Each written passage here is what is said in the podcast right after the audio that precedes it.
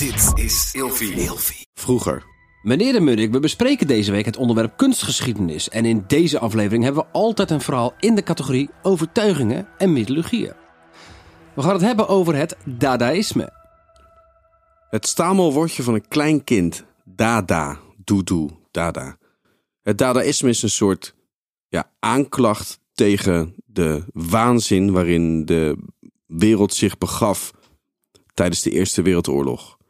Het dadaïsme gaat uit van ja, pure emotie en dingen die zomaar ja, ont kunnen ontstaan.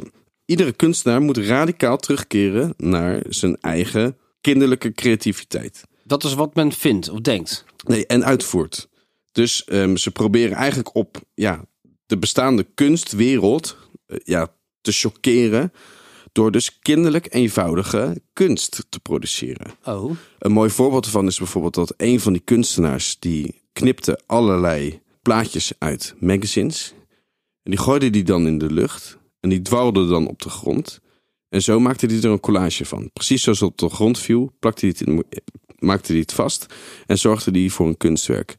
Nou, dit is dus een, een hele pure uiting van het Dadaïsme. Het komt uit Zwitserland, toch? Ja, het komt uit Zwitserland. Waarom Zwitserland, weet je Ehm, dat? nou, Zwitserland was een, een neutraal land en heel veel bekende kunstenaars konden dus naar Zwitserland vluchten. En daar ontstond dus een soort cultuur waar ze, ja, niet geteisterd door de oorlog, ja, vrij konden nadenken over die kunststroming. Eigenlijk gaat het voornamelijk om het maken van collages en assemblage. En het gaat erom dat dus je vanuit de meest puurheid van je gevoel dus de, je, je, je kunst uit.